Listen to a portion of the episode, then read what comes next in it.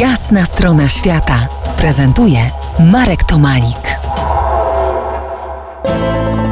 Gościem jasnej strony świata dziś Romuald Koperski, podróżnik, pisarz, pionier wypraw samochodowych po rozległych terenach Syberii, pilot samolotowy, dziennikarz, reportażysta, fotograf, myśliwy, nurek oraz zawodowy muzyk pianista, rekordzista Księgi Guinnessa.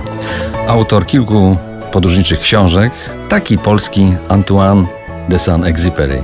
Mały Wielki Książę. Romku, rozmawiamy w mieście, w którym się urodziłeś, w Sopocie. To tutaj e, twoje szaleństwo się zaczęło. Pamiętam, że twoją książkę Pojedynek z Syberią połknąłem jednym haustem. Porywająco napisana. To była epicka wyprawa za jeden uśmiech prawie ćwierć wieku temu. To już y, prawie ćwierć wieku, to już y, właśnie minęło ćwierć wieku, kiedy się ta książka e, ukazała. To naprawdę ten czas bardzo szybko zleciał, nawet nie wiem kiedy, 25 lat książka na rynku. A co ciekawe, książka e, doskonale się do dzisiaj sprzedaje, także jestem zadowolony z tej książki.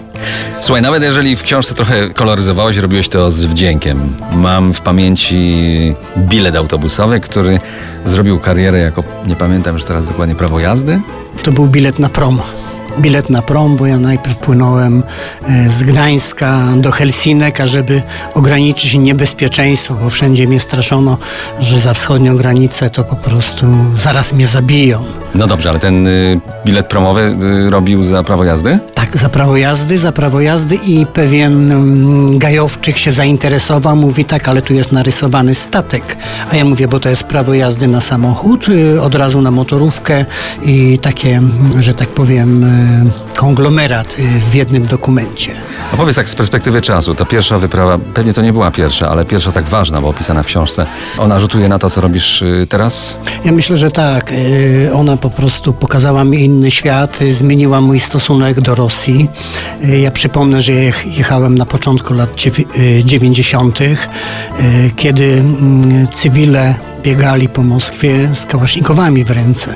I ja teraz nie wiedziałem, czy to są y, jakieś służby specjalne, czy to, prawda, jacyś y, bandyci.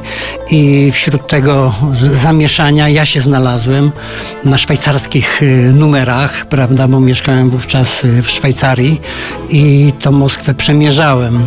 Także doceniam w tej chwili e, swoją odwagę, bo czym człowiek starszy, tym się staje ostrożniejszy i w tej chwili nie wiem, czy bym się odnalazł e, w takim konflikcie.